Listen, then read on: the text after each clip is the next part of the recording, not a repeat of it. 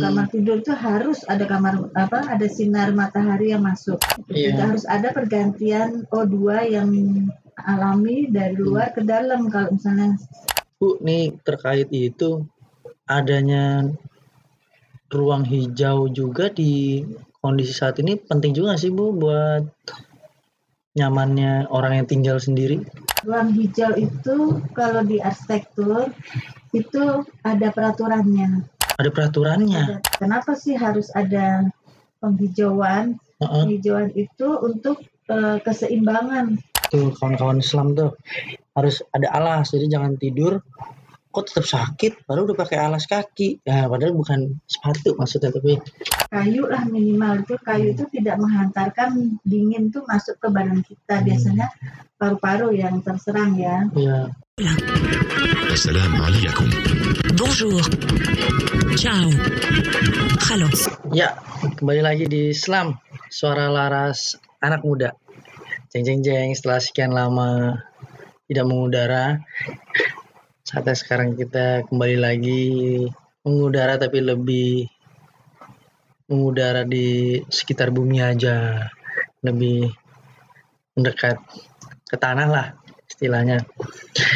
Eh, masih nggak ganti-ganti. Masih bareng Abram di sini. Dan juga Gilang di hati Abram gitu ya kira-kira. Tapi kali ini kita, kita akan diskusi bareng dengan dosen. Dari sisi akademisi juga eh, dosen yang sudah lama berkarir mengajar di Universitas Pancasila. Juga dari tahun mungkin tahun 87 kali ya Bu ya Nah, beliau ini adalah dosen teknik jurusan arsitektur. Kali-kali eh, nggak apa-apa lah ya bicara tentang eh, arsitektur, biar Islam juga nggak skena-skena banget gitu. Jadi itu tuh ada sisi akademisnya lah. Mau nanya soal ini nih Bu, Bu Kiki. Iya. Selamat datang di Islam nih Bu Kiki. Ya, Assalamualaikum. Waalaikumsalam. Em, Bu Kiki ini eh, selain mengajar juga sempat jadi wakil rektor juga di UP dua periode gitu ya. Terus juga jadi konsultan beberapa universitas lah Eh, untuk memastikan baik mutunya lah kira-kira gitu ya Bu ya. Ya, Alhamdulillah. Hmm. Nah, Bu Kiki, izin nih Bu, mau tanya nih soal arsitektur karena kan belakangan kita tuh agak concern sama eh, ya pasti bangunannya juga, cuman lebih dari itu yang lebih dekat sama kawan-kawan di Islam tuh ini sih Bu. Jadi kan rumah nyaman kan enaknya bikin sendiri bisa senyaman sendiri bentuknya kayak semau sendiri gitu kan. Menyesuaikan ya. Oh ya menyesuaikan betul. Nah kalau orang-orang zaman sekarang kan boro-boro ya bu mau punya rumah gitu. Ya kadang ngontrak ngekos. Jadi pun yang punya rumah juga udah ada bentuk rumahnya gitu udah nggak bisa milih gitu kan ya bu ya. Nah kalau dari sisi ibu Kiki nih selaku dosen arsitektur juga gitu ya kira-kira gimana ya bu ya supaya orang yang tinggal di dalamnya tuh biar tetap nyaman? Padahal kondisinya udah nggak bisa banyak pilihan gitu kira-kira. Betul. Nah, kalau normal atau idealnya itu kan kalau kita mau bangun rumah, kalau seorang arsitek saya juga suka ngajarin anak-anak mahasiswa kalau mau ada yang konsultasi tentang bagaimana rumah yang nyaman buat dirinya itu selalu adanya wawancara. Jadi nggak bisa kita eh, menentukan sesuai idenya kita. Hmm, kita harus menggali apa yang diinginkan dan dibutuhkan gitu. Diinginkan dan dibutuhkan aja suka beda tuh. Inginkannya tinggi gitu. Tapi kebutuhannya nggak sampai ke situ. Nah ini kita harus mendekatkan dengan kenyataan realistisnya si orang itu. Hmm. dan kadang-kadang eh, tanahnya kecil atau lahannya eh, tapaknya kecil tapi maunya banyak semua ada di situ. Kan nggak bisa. Jadi harus ada yang bagian-bagian yang fungsional yang sebelah yang mana gitu bisa dipakai. Kadang untuk ini kadang untuk yang lain gitu serbaguna nah sekarang kan nggak bisa seperti itu. Eh, harus ada penyesuaian kita terhadap kemampuan kita membeli daya beli gitu ya. Jadi Iya. kadang-kadang orang itu beli rumah yang sudah jadi.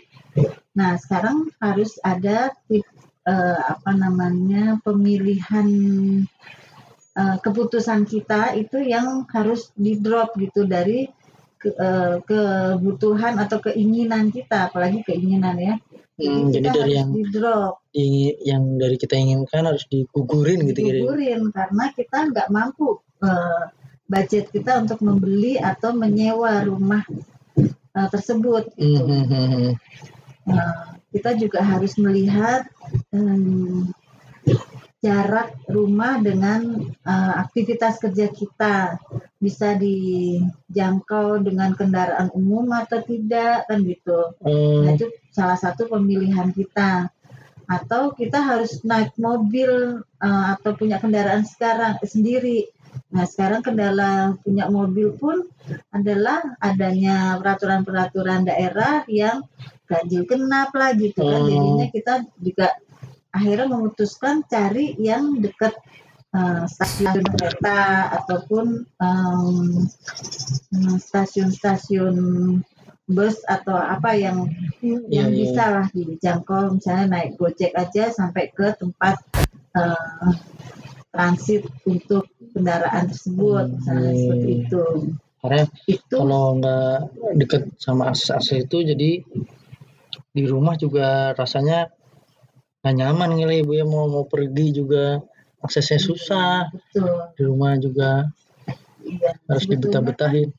eh, kebutuhan manusia itu dari Maslow itu kan juga rumah itu papan ya hmm. itu juga kan harus yang nyaman. Kita punya keluarga kan di situ. Eh, ketemunya pertama keluarga itu kan ada di rumah.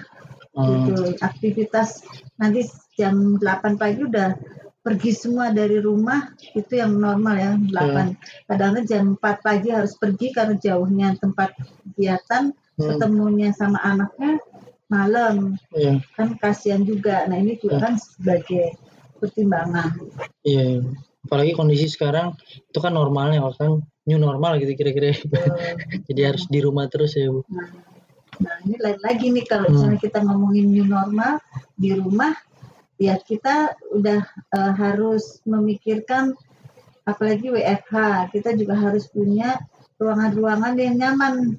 Udah hampir lima bulan ya, lima bulan Iya. ya Hmm. kita di rumah, terus di rumah itu ada ibu, bapak atau suami atau istri gitu kan Hmm. juga WFH pasti Iya. punya kantor ya Betul. yang harusnya kita kunjungi tapi sekarang harus di rumah juga ngurus anak anaknya kalau eh, harus juga eh, school for from home Aha. ya kan juga butuh ruang sendiri artinya minimal ada tiga ruangan yang dipakai untuk em, kalau anaknya satu ya jadi tiga ruangan untuk dia bekerja dengan nyaman di rumah tidak saling mengganggu ini kan juga salah satu jadinya nyamannya pindah ke dalam rumah untuk kita bisa mengatur semuanya itu Iya. nah itu karena new normal Hmm. tapi untuk secara umum rumah yang nyaman itu sebetulnya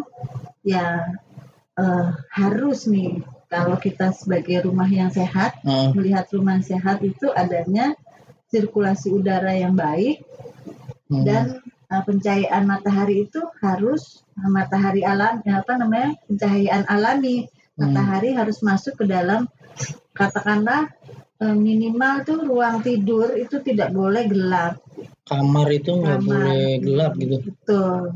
Sekarang juga udah banyak sirkulasi udara di kamar mandi ya mandi itu sudah tidak ada pasti buatan tuh Buatan tuh maksudnya pakai exhaust Oh, apa jadi exhaust. tidak ada sinar matahari masuk ke kamar mandi ataupun em, apalagi udara ya masuk ke Iya. situ pas buatan semuanya nah Nah. ini juga kalau kamar mandi exhaust nggak ada sinar matahari masuk tapi sebenarnya masih nggak apa-apa kan ibu kalau dipakai. Ya sekarang tuh kondisinya seperti itu tanah terbatas hmm. ya. Kalau kita beli klaster-klaster atau apa itu kebanyakan seperti itu. Jadi sebagai arsitek tuh harus men- dapat mensiasati.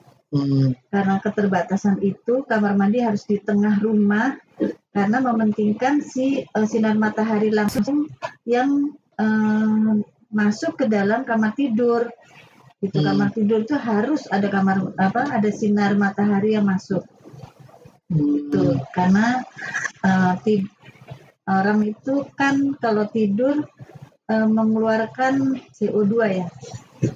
Iya. Tidak harus ada pergantian O2 yang alami dari luar ke dalam. Kalau misalnya karbon tuh masih Numpuk. tinggal di dalam kamar kan jadi nggak sehat Hmm. gitu. Eh, ultraviolet ya kan Iya. matahari seperti itu. Nah itu yang Oh. makanya mat- eh, kenapa kamar tidur itu harus kena sinar matahari seperti itu untuk kesehatan seperti Tapi itu banyak juga kadang keadaan gitu ya kalau kita lagi pulang kampung gitu kan rumah-rumah dulu tuh kita ngelihat atasnya pintu tuh ada apa ya namanya? Ventilasi, Ventilasi. ya ventilasi gitu. Nah itu itu sirkulasi Sirkulasi udara itu bentuk dari sirkulasi udara. Nah sekarang rumah-rumah sekarang itu sudah mengandalkan AC karena mungkin apalagi di Jakarta ya. Jakarta Mhm. udara 32 derajat gitu ya. Kalau misalnya kita tidak memfasilitasi tidak bisa mem- membuat desain yang mengikuti eh, apa eh, kelembapan udara mm-mm, ya akhirnya pengap di dalam pakai AC. Nah ini AC itu kan hanya memutarkan udara kotor ketemu kotor lagi disaring sebentar gitu jadi lama-lama kalau nggak di bener nggak dicuci AC-nya kan juga nggak diservis AC-nya ya sebetulnya udara kita berbulan-bulan ya ketemu itu gitu jadi Ah. harus dikeluarkan ya ya Nah, ya, itu ya, ya. Sebaiknya sih tetap harus ada sirkulasi udara yang alami. Pakai kisi-kisi itu ya. Hmm. em, ventilasi udara di atas pintu itu biasanya. Sebentar Bu, ini teman-teman kita nih denger kisi-kisi nganggapnya udah kayak kisi-kisi mau ujian. Jadi mungkin kalau diartiin kisi-kisi itu maksudnya semacam Ah, ventilasi kecil iya. gitu ya Bu ya, ya sal- saluran udara saluran udara. Ventilasi dulu zaman dulu tuh ngomongnya krepia gitu ya Wah, aduh, krep ya. bahasa Jawa itu krepia tapi kalau ah, bahasa arsitektur jendela apa yang ada krepianya itu ya pasti ada udaranya yang Keluar masuk. mengalir. Mm. Hmm. biasanya pintu aja ada krepianya Hmm. Jadi paling nggak mensiasatinya kamarnya jangan ditutup terus gitu kali ya. betul Dan AC dibersihin. Ya, tadi ngomonginnya kan kamar mandi. Kamar Nah. mandi itu makanya eh, karena keterbatasan eh, ruangan untuk eh, dipentingkannya adalah tempat tidur, jadi kamar mandi gelap. Nah, sirkulasi udaranya bagaimana? Ya harusnya ke atas. Hmm. Ada eh, apa pencahayaan dari atas kita buka ada apa hmm, jendela kaca di atas gitu ya Ah, eh, genteng kaca gitu ya atau bukaan di atas bisa juga minimal ada sirkulasi udara eh, pakai exhaust fan itu hmm. pernah kejadian kan sebetulnya eh, ada perampokan berapa tahun yang lalu itu Iya, di sekap di dalam kamar mandi itu meninggal semua kan iya, iya, iya. nah itu karena nggak ada sirkulasi udara atau kekurangan tuh Hmm. udah gelap dia dikunciin di dalam kamar mandi ya sudahlah lemes gitu kan Iya, iya, iya. seperti itu Waduh, Sampai bisa jadi ruang emergensi juga jadi kamar mandi ya. Betul. Ya semoga jangan ada kejadian itulah ya di antara kita. nah,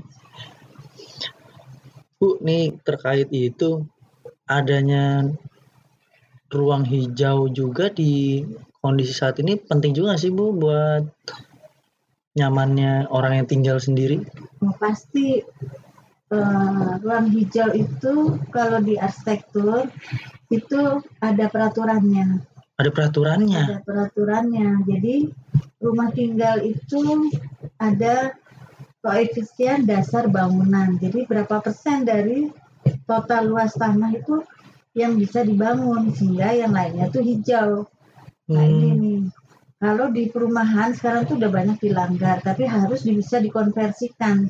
konversinya Minimal gimana tuh di eh, ada resapan, jadi dia tidak boleh di beton semua di semua lantai itu. Hmm, Nah, eh, ada resapan, misalnya pakai mensiasatinya tuh pakai misalnya resapannya pakai em, paving block misalnya gitu. oh, Itu tuh salah satu untuk resapan. jadi nggak benar-benar beton gitu kira-kira. Nah, di atas resapan itu kita bisa tanami pakai pot gitu kan.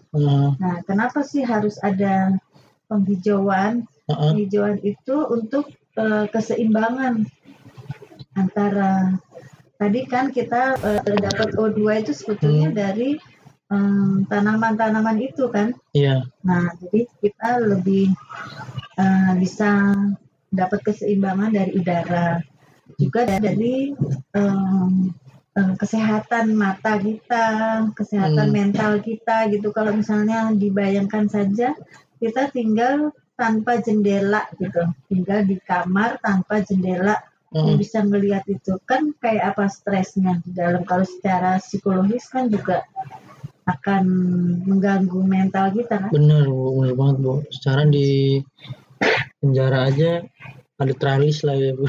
Masih bisa ngelihat luar gitu.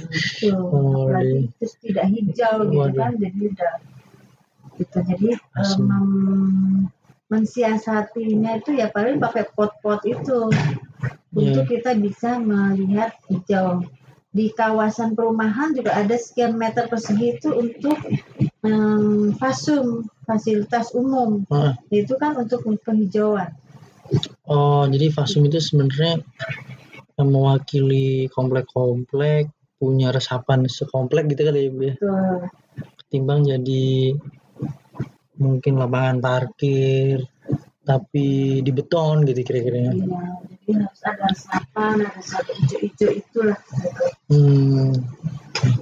Nah, kalau ngomongin arsitektur nih, Bu, secara kan Bu Kiki juga dosen juga ada yang istilah kerap sekali di apa ya didengar sama publik dan uh, dipraktekin juga gitu. Itu feng shui, Bu.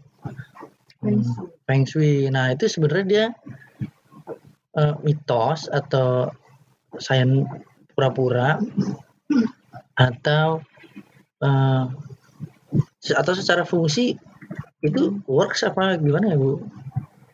Uh, Feng Shui itu sebetulnya uh, ada uh, apa fakultas tuh ya. Sebetulnya fakultas Oh. tersendiri jadi ilmu tersendiri antropologi. Hmm, um, topografi. Iya iya iya. psikologi masuk situ semua tuh sebetulnya. Tapi dalam kehidupan gitu. Itu di Tiongkok itu ada S1 nya tuh kalau mau belajar itu jadi nggak bisa cuman buat pengetahuan asal tahu baca terus sudah ngerti nggak bisa Ah, gitu jadi iya, iya. harus yang Feng Shui itu sebetulnya adalah ilmu keseimbangan dari Hmm. alam tersebut. Oh, Gitu. Ada konsepnya sebetulnya. iya iya. Mungkin pernah dengar Qi gitu ya. Iya iya iya. Nah itu juga em, Energi itu ya. ya energi itu. Jadi kan itu sebetulnya pengaruh dari alam ini untuk kita sendiri kehidupan gitu ya. Hmm, hmm, hmm. Gitu. Terus ada yin dan yang. Dia punya tiga konsep di Shui itu. Ada Qi, yin dan yang itu keseimbangan sama lima elemen lagi. ada tanah, air, kayu, tanah, metal itu ya. Waduh. Seperti itu yang itu tuh. Jadi sebetulnya nih masing-masing tuh kalau dijabarin sekian SKS sendiri. Pantesan sampai S1 ya Bu kalau Tuh. Nggak bisa. Dan masing-masing orang tuh kalau misalnya di Tionghoa sendiri kan juga ada uh, CEO-nya ya. Iya. Nah, setiap orang ini biasanya dikaitkan ke kehidupan. Jadi untuk memilih rumah atau bangunan kantor jadi dihitung gitu. Iya, iya. Si orang ini, pemilik ini nih Oh, CEO-nya apa gitu. oh. Jadi ba- bagusnya menghadap ke mana itu dihitung semua. Jadi nggak bisa uh, ditipikalkan gitu nggak bisa. Hmm. Jadi uh, Jatuhnya jadi lebih ribet dibanding belajar arsitek aja ya Bu. uh, ya, kalau arsitek itu kan umum ya, Oh, iya. tapi paling ada uh, ikutin climate ya. Jadi uh, iklim di Mhm. tropis, subtropis di mana itu kita uh, mengikuti itu aja karena kan Oh. itu buat tempat tinggal. Iya. Nah yang paling praktisnya sejauh ini Bu Kiki mungkin pernah praktekkan gitu kalau fungsi sehari-hari gitu. Saya eh, gini, eh, kalau ngajar di eh, Kampus. kampus gitu ya, ada satu mata kuliah misalnya saya katakanlah di mata kuliah interior ya tata Hmm. ruang dalam gitu. Saya pasti eh, tidak melepaskan itu. Jadi anak-anak Hmm. mahasiswa boleh membaca feng shui itu, Iya. walaupun tidak belajar dan saya tidak mengajarkan. Heeh. Nah, pengetahuan itu karena klien itu kan kita nggak bisa ngatur sendiri ya kan yang dari awal tadi saya sampaikan bahwa klien itu adalah yang membutuhkan desain dari kita dia yang mau kerja di situ mau aktivitas di situ jadi kalau misalnya dia punya pengetahuan atau eh, eh, apa dia butuh tuh perhitungan feng shui ya Hmm. kita harus ngikutin gitu Iya. jadi bukan kita yang menghitung, tapi kita yang menggambar, kita yang melaksanakan dari ahli feng shui tersebut boleh. Hmm. Jadi misalnya Iya. eh, letak meja makan gitu, meja makan itu nggak boleh nempel ke dinding gitu misalnya. Eh, Nah kenapa sih sebetulnya kalau yang lo- logika dari itu semua tuh saya mikirnya bahwa oh nggak boleh nempel ke dinding karena dia untuk berkumpul keluarga itu gitu ya. oh. Jadi Eh, kalau segala sesuatu dirembukan secara ngumpul, bukan yang satu duduk di mana, duduk di mana, ngadepnya beda-beda, itu kan jadi nggak ngumpul. Kita Hmm. sebagai orang Indonesia yang punya budaya yang kalau nggak ngumpul nggak makan gitu kan. Oh, Nah itu harus dikembalikan di dalam penataan di eh, arsitek gitu ya. Oh, apalagi ini tempat arsitektur. makan ya harusnya kalau nggak ngumpul aja nggak makan bisa ngumpul apalagi ini tempat makan harus Iya. ngumpul gitu ya. Eh, jadi kita ini sebetulnya eh, kebutuhannya itu apa sih? Kebiasaan orang itu apa? Budaya ini apa? Kita harus mewujudkan di dalam Oh. bentuk arsitektur. Nah itu salah satunya itu. Hmm. Jadi hindari peletakan meja makan yang merapat ke dinding misalnya gitu ya. Iya. Kalau orangnya cuma dua ya nggak apa-apa. Tapi kalau misalnya orangnya empat, sudutnya empat, terus Oh. cuman kebagian dua atau tiga sisi aja kan Ya. jadinya nggak ngumpul gitu. Saya sih eh, melogikannya seperti itu. Hmm. Terus ada lagi em, kamar tidur tidak boleh eh, berdekatan dengan dapur. Secara letterlek itu nggak bagus karena panas gitu kan, panasnya si dapur itu. Tapi kan sekarang ada teknologi Hmm. pakai eh, eh, hood ya, jadi atau exhaustnya itu di atas kompor kompor. ya paling tidak kita tidak mendesain si kam- eh, tempat kompor itu eh, di dinding yang sama bolak-balik dengan kamar tidur itu aja Hmm. jadi sirkulasi udara sudah diatasi ya nggak apa-apa gitu jadi oke. karena ya itu kembali lagi kalau rumahnya terbatas rumahnya em, eh, dindingnya cuma itu itu aja maksud nggak ada dapur kan nggak mungkin Yes. nah jadi itu Yes, eh, kita meletakkan si kompornya aja yang kita atur kita pasti lah ya. ya seperti itu Yes. jadi sebetulnya feng shui itu ya karena alam ya Hmm. itu bisa kita terima dengan pikiran kita misalnya kalau kita lagi itu tadi interior kalau misalnya kita milih rumah di satu kafling di satu kawasan perumahan hindari eh, tusuk sate misalnya gitu. Mhm. tusuk sate itu juga eh, secara budaya kita juga kalau bisa kita hindari. Tapi kalau kita udah dapat yang tusuk sate ya kita gimana mensiasati sebagai arsitektur itu juga bisa.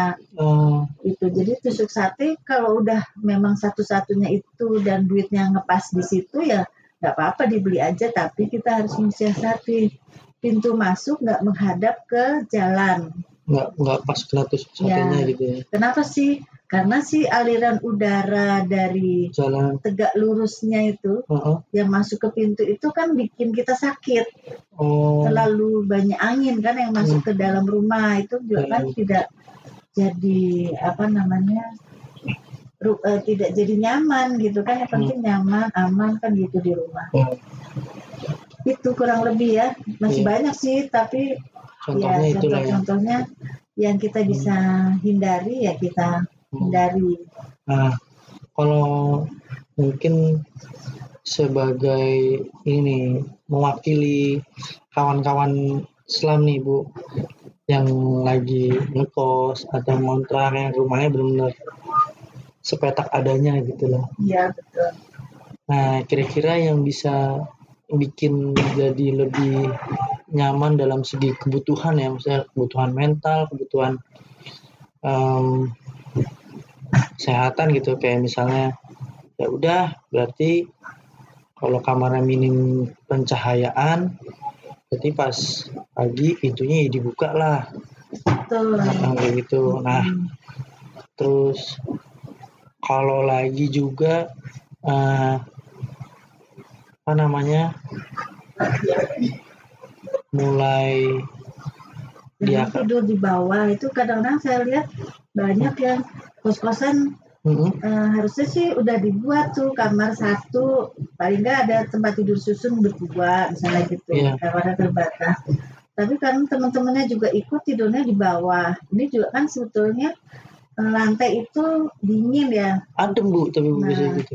Nah itu jadi harus beralas nah Hmm. biasanya tadi ngomongin feng shui ataupun ya em, apa Kesehatan ya, aja. kesehatan lah Hmm. gitu itu juga kita paling tidak ada alas dari kayu lah gitu ya Hmm. lampit itu kan sekarang ada ya lampit atau Hmm. karpet itu jadi harus ada alas itu dulu jadi Minimal. tidak langsung eh, minimal supaya tidak langsung kena eh, si ubin atau si Hmm. lantainya itu kayak Nah. gitu tuh kawan-kawan Islam tuh harus ada alas jadi jangan tidur kok tetap sakit padahal udah pakai alas kaki ya padahal bukan sepatu maksudnya tapi eh, tikar atau jadi walaupun tidak kain pakai gitu. kayu lah minimal eh, tidak pakai apa namanya kasur juga nggak apa-apa tadi kayu lah minimal itu. Kayu itu tidak menghantarkan dingin tuh masuk ke badan kita. Biasanya paru-paru yang terserang ya. Ya itu dan misalnya nggak punya jendela di situ ya buka pintu kalau misalnya itu. Jadi ada jendela aja ditutupin kadang-kadang kan seperti Iya. itu. Ini nggak boleh harus Iya. terbuka harus sirkulasinya minimal kalau di arsitek tuh ada perhitungannya satu ruangan itu 20% dari luas ruangan tersebut itu harus cahaya bisa masuk. Oke 20% dari ruangan. Dari ada luas ruangan sinar lah gitu ya. ada sinar masuk. Itu not ininya ya apa nama idealnya. Hmm. Tapi kan sekarang udah tidak bisa seperti itu. Tapi eh, kalau yang punya duit ya, maksudnya ngedesain tuh semua kalau bisa dinding tuh kaca semua sekarang nih eh, trennya. Ah, Trennya tuh dibuka semua gitu. Nanti paling dikasih eh, vertical blindnya untuk Tir- atau roller oh, tirai tirai gitu ya. Tirai itu kalau bisa sebagus mungkin itu adalah tanaman gitu misalnya gitu. hmm. Jadi atau double uh, dinding gitu yang di bagian luar tuh ada uh, penetrasi cahaya lain gitu.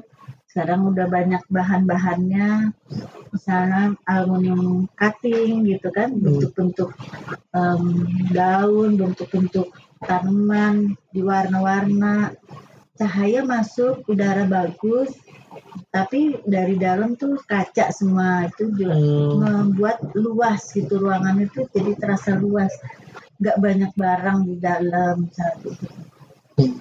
itu kurang lebih kalau di kos-kosan ya. Iya. Jangan ditutup jendela itu harus dibuka ditutup dengan korden yang udah sekian tahun nggak dicuci lagi Berarti kalau punya teman-teman masih ngekos, masih ngontrak, kalau ngasih kado, nggak usah lah kue-kue, nggak usah lah sepatu harga mahal gitu. Kasih kado Korden korden aja, aja. korden. ya, gitu. Kalau yang yang ngasih kadonya sesama kos-kosan, ya kemoceng lah itu udah beres.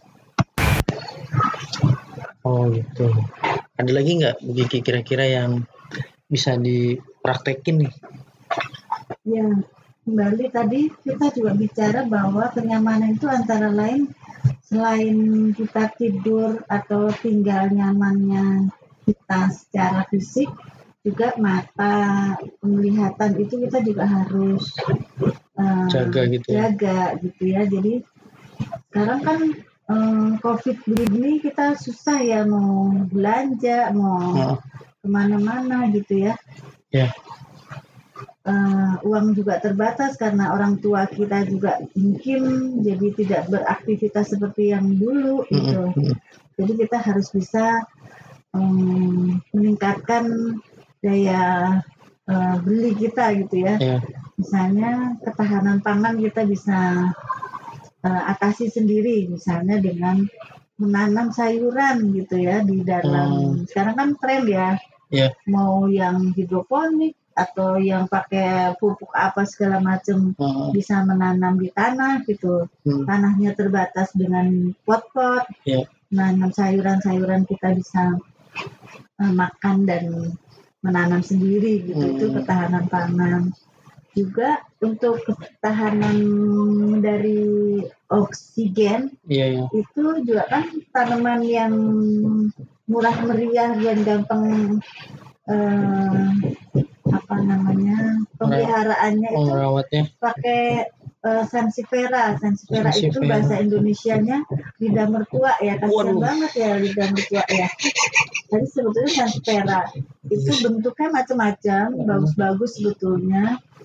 Ada yang eh, panjang ada yang pendek-pendek gitu. Iya. nah itu bisa dimasukkan di dalam rumah Mm, juga bisa dipakai untuk pagar. Nah itu antioksidan.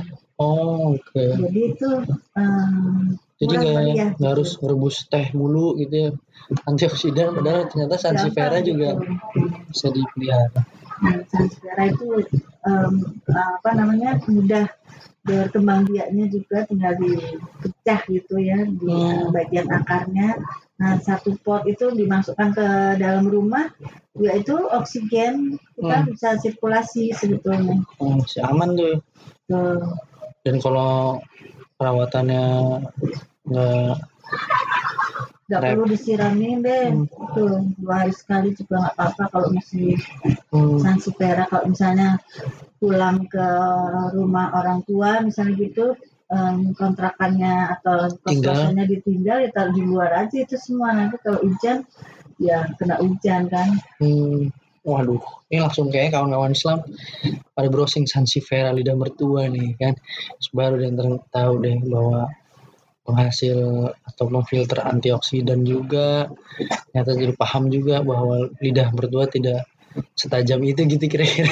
Ya tua itu kan ibunya pacar kita gitu kan. Ah, bapaknya pacar kita gitu kan. Di musik sih udah mertua mesin jilat yang yang enggak enggak iya dah iya bahwa ternyata lidah mertua lebih menyelamatkan ketimbang lidah buaya ya yang cuma buat Lidah sampoan buaya- Nah, lidah buaya itu sekarang juga bisa dipakai untuk eh, apa namanya penyubur loh. oh Ternyata lidah buaya itu nggak nyuburin rambut, Rambut doang, ya, tapi ternyata tanaman itu juga bisa disemprot sama Lidah si lidah buaya. Hmm. Wah, berarti kalau udah dari sansifera aja bisa buat masukan juga yang mudah berkembang biak bisa dijualin per pot.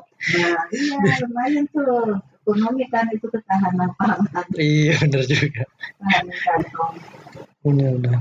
Tahan, tahan. Gitu kira-kira. Iya, Bu. Terima kasih banget nih Bu Kiki waktunya. Semoga ini nggak jadi yang pertama dan yang terakhir ngobrol-ngobrol bareng Islam nih Bu. Terima kasih bisa diundang. Terima kasih bisa berbagi walaupun sederhana, walaupun umum ya ini umum sebetulnya semua bisa melakukan Ya, dan mengetahui lah gimana trik-triknya gitu cari rumah, cari tempat tinggal Iya. gitu ya. dan jarang juga Islam bisa diterima dosen langsung gitu kira-kira nih Bu. Biasanya ketemu mah yang biasa ngemper di jalan tapi sekarang jalan nggak boleh sembarangan gitu sih Bu. Jadi mesti kontak jarak jauh lah. Makasih banyak Bu Kiki, semoga uh, sukses terus. Karirnya di kampus bisa banyak berkarya menginspirasi mahasiswa-mahasiswinya. Iya Bu, saya Abram dari Islam izin pamit. Assalamualaikum. Salam.